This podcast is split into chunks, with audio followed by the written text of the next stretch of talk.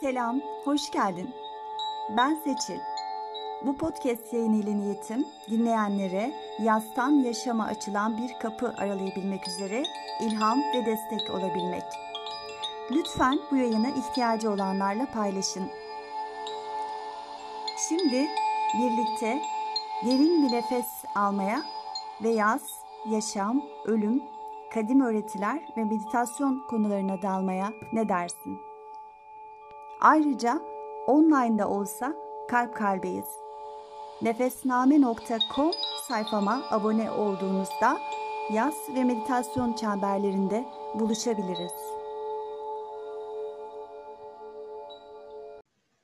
Mütemadiyen yaratılıyoruz ve kendimizi yaratma halindeyiz. Şimdi böyle çok kısa e, ve çarpıcı birkaç kelimeyle, birkaç cümleyle bir şeyler söylendiği zaman bu benim için çok e, etkili oluyor bu tarz sözler. Tabii kimin söylediğine bağlı olarak e, ta, değişiyor. Mesela yoga sutralar da öyledir. Çok kısa kısa aslında e, kısa cümlelerden oluşur. Ama çok etkilidir ve derindir. Bu söz de öyle. Mütemadiyen yaratılıyoruz ve kendimizi yaratma halindeyiz. An ve an. Ve diğer cümlede şöyle demiş. Her birimizin zihnin zihnin içine odaklanabilecek zamana ihtiyacı var. Yalnız kalmak, zihnin kendi sürecini organize edebilmesi için gerekli bir deneyim. Hatta şurayı tekrarlamak istiyorum. Yalnız kalmak, zihnin kendi sürecini organize edebilmesi için gerekli bir deneyim. Bu haldeyken birey kısıtlamalarının ötesine geçebiliyor. Çünkü ötekiyle ilişkisel halde olmaktan gelen girdi azalmış oluyor. Bir daha tekrarlayayım bu cümleyi.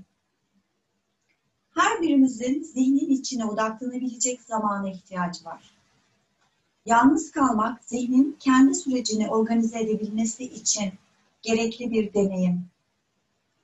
Bu haldeyken birey kısıtlamalarının ötesine geçebiliyor. Çünkü ötekiyle ilişkisel halde olmaktan gelen girdi azalmış oluyor. Şimdi bu gerçekten çok kıymetli bir şey bence de. Bir üzerinde bir durup düşünülmesi gereken bir şey. Hani böyle çok zaman bunu yapıyoruz. Gerçekten etkilendiğimiz bir söz de olsa, bir cümle de olsa şunu yapabiliyoruz. Aa gerçekten çok güzel söylemiş. Ve katlayıp kenara koyuyoruz. O yüzden madem ki zaten biz şu an çok kıymetli bir zaman, alan yaratıyoruz kendimize. Yani biraz demlenelim bu sözle. Ve e, çok güzelmiş deyip kenara bırakmadan önce biraz daha içimizde yer etsin. Ki belki zaten öyle sizin için bu cümleler öyle bir yer ediyor. Şimdi e, bizim yaptığımız meditasyon pratiğiyle ilgili olarak ve buna yogayı da eklemiş, beslenmeyi de eklemiş, Dan Siegel, ilişkileri eklemiş, mizahı eklemiş, yeniliği eklemiş, dikkati odaklamayı eklemiş, uykuyu eklemiş. Ee, egzersiz demiştim değil mi? Ve bunların hepsini diyor ki Dan Siegel, bunlar nöroplastisitenin prensipleri diyor. Biz zaten ne yapıyoruz meditasyonla? Hem dikkate odaklıyoruz. Aslında meditasyonla da bir şekilde yenilik yapıyoruz. Çünkü yeni deneyimler, örtbas ettiğimiz şeylerin yüzeye çıkması ve onlarla karşılaşma hali yeni bir deneyim. O yüzden bunların çoğunu yapıyoruz ama dediğim gibi ilişki, uyku, beslenme, mizah duygusu. Bunların hepsini de ekliyor nöroplastisitenin içine. Yani beyin gelişimiyle bunların hepsi çok ilgili. Ve baştaki cümleye, en başta paylaştığım cümlesine dönersek yalnız kalmanın önemiyle ilgili. Bu pratikleri yaptığımızda aslında evet kendi kendimize kalıyoruz. Kendimizi çok samimi bir şekilde dinleyecek bir alan yaratıyoruz.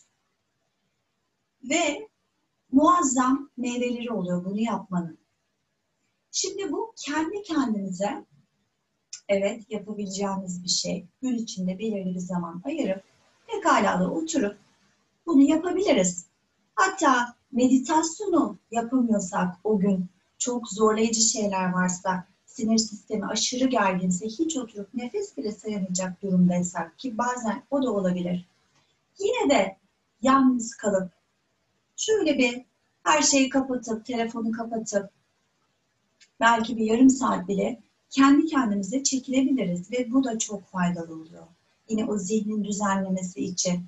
Hani her gün bile e, bugünüm nasıl geçti, bugün ne yaptım?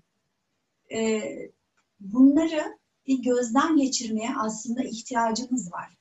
Ve durup bunu oturup, dur şimdi bugün oturayım da bugün ne yaptım, ne yapmamam gerekiyordu diye böyle e, bir görev gibi e, algılamamak gerekiyor. Ama kendi kendimize kaldığımızda zaten e, hani bu vicdan muhasebesi sözü de var biliyorsun işte yastığa başını rahat koyuyor musun gibi. Yani bu kendi kendimize kaldığımızda zaten kendiliğinden e, onlar gelmeye başlıyor. Bugün ne oldu? Ben nasıl davrandım? Bana nasıl davrandılar? Veya daha büyük sorular. Belki hayatınla ilgili alman gereken kararlar var. Bitmesi gereken şeyler var. Açılması gereken yeni bir dönem var belki hayatında. Belki e, bunu göremiyorsun bile. Göremiyorsun bile. Zaten o şekilde gittiğin hayatın şu an yapamayacağını bir şey ve bunlar böyle çok derinden işleyen süreçler oluyor. Otomatik pilotta enerjinizi e, kendi yaşamımızla ilgili önemli alanlara kaydıracağımız yerde böyle bir e, akışa kendimizi kaptırıp gidiyoruz. Genelde bu şekilde yaşıyoruz. O yüzden işte bu Dan Siegel'ın bahsettiği ilişki hali çok önemli. Yalnız kalmak, hani siz de kabul edersiniz ki çok insan için bir lüks aslında. Özünde lüks olan bir eylem değil ama çok insan için lüks. Çeşitli sebeplerle çok e, büyük sorumluluklar altında olabilir.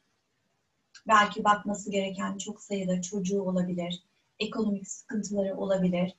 Ve bunu yapacak gücü dahi olmayabilir. Çünkü o kadar zorluk altındadır ki kendi kendine kaldığı zaman o duruma bakabilmesi muazzam zordur.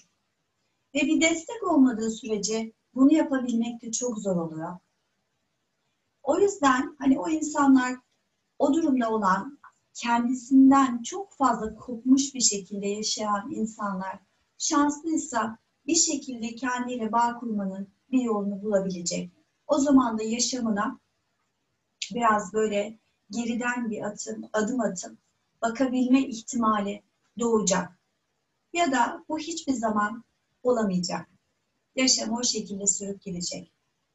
Şimdi biz kendi açımızdan bakacak olursak e, yalnız kalmanın e, kendinle hemhal olmanın değerini bilen kimseler olarak yine o ilişkisel hale geri dönüyoruz. O zaman şu da var. Belki ben bunu zaten yapacağım, bundan zaten çok keyif alıyorum ya da ihtiyacım var buna. Yapmadığım zaman kendimi kötü hissediyorum her günün içinde en az birkaç sayfa kitap okumalıyım. En az sadece kendi kendime müzik dinleyebilmeliyim. Ya da meditasyon yapabilmeliyim vesaire. Bunun zaten farkındaysak ve kimi zamanda ya da çoğunlukla da beraber yaşadığımız kimseler tarafından bu isteğimiz nasıl karşılanıyor? Aslında benim için e, ilişkisel anlamda en önemli kısmı bu. Çünkü genelde e, yalnız kalma hali garipsenen bir şey olabiliyor. E, yadırganıyor, tuhaf bir şey e, talebinde bulunmuşsun gibi davranılabiliyor. Daha kötüsü de var. Küçümseyenlerin dışında bir de buna tamamen engel olanlar ve buna hakkı olduğunu düşünenler var. Ya da bunu düşünemediği için yapanlar var. Sana bu alanı yani her günün içinde bunu yapmak zorunda mısın? Hadi bir gün yaptın ne zaman normale döneceksin? ne zaman normal insanlar gibi yaşayacaksın? Her gün kendine bir zaman ayırman gerekiyor mu gibi. Bunu eğer hissettiriyorsa ve çok zorluyorsa bu durum gerçekten hani o küçük küçük küçük kar topları büyüyüp de kar taneleri büyüyüp de çok büyük kar toplarına, çığlara mı dönüşmeye başlıyor? O zaman zaten gerçekten büyük oranda yaşamımız birilerinin e, bize bir şeyler için müsaade edilmesine teslim edilmiş gibi oluyor. Bu yüzden ilişkisine, ilişkiler çok önemli. Ve bu çalışmaların içine girdiğimizde de zaten bunları daha net görebilmeye başlıyoruz. Bu kişi gerçekten beni engellemek istediği için mi yapmak istediğim şeylerle ilgilenmeme, kendimle kalmama izin vermiyor ya da bunu engellemeye çalışıyor elinden geldiğince. Ya herkesin tavrına göre değişir. Çok kaba bir şekilde ya da nazik bir şekilde bir şekilde baskı mı kuruyor? Ya da bunu hiç farkında olmadan mı yapıyor? Zaten böyle olması gerektiği o kadar çok işlenmiş ki zaten böyle olması gerekiyor diye düşünüp farkında olmadan da bir tahakküm kurup üzerinde sürekli seni e, kendine ait bir alan yaratmak için mücadele etmek durumunda bırakıyor ve bu da ayrı bir stres haline alıyor gibi. Bu çalışmalar en nihayetinde dönüp dolaşıp dışarıya dönüyor. İşte bu tezatları anlatmak biraz zor gerçekten. Çünkü hem diyoruz ki hiçbir şey değişmesin istiyoruz. Bekleme. Beklentisizce bunu yapalım. Meditasyona beklentisizce oturalım. Dışarıda bir şeylerin dönüşmesini beklemiyoruz. Hatta tam tersine kabullenmek istiyoruz daha çok. Özünde bu var çünkü pratik. Ne kadar tezat gibi de gelse ve pratiğin özünde şu da var. Dışarıya da dönüyor oklar. Ve bunu illaki kötü anlamıyla kullanmıyorum. Daha net bir şekilde görebiliyoruz. Beni engelleyen bir ilişki içinde miyim? Beni engelleyen bir iş hayatı içinde miyim? Yaşadığım yer ve yaşadığım kişiyle durumum nasıl? Buna daha e, açık bir şekilde bakabilme ve bunu değerlendirebilme imkanımız oluyor. O zaman karar veriyoruz, eylemde bulunuyoruz ve hiç de düşündüğümüz gibi e, çok fazla suçluluk duyguları içermeyen ya da güçsüz bir şekilde eyvah işte şurada bir tane şeyler var ve ben yeni bir şeye gireceğim ama korkunç bir şey yani e, ilişkin bozulabilir ayrılırken kendim için bir karar verdim diye bencil mi davranıyorum e, ya da yeni gittiğim hayat beni korkutuyor mu gibi böyle bir sürü sorular olurken normalde işte çalışmaların güzelliği, farkındalığın açılması, enerjinin açılması ve ne istediğini görebilmek, kalbin sesini duyabilmek. Bütün bunlar işte olanı olduğu gibi görebilmek. Değiştirmek istemediğimizde artık o kadar net bir şekilde olanı olduğu gibi görüyoruz ki eylem kaçınılmaz oluyor.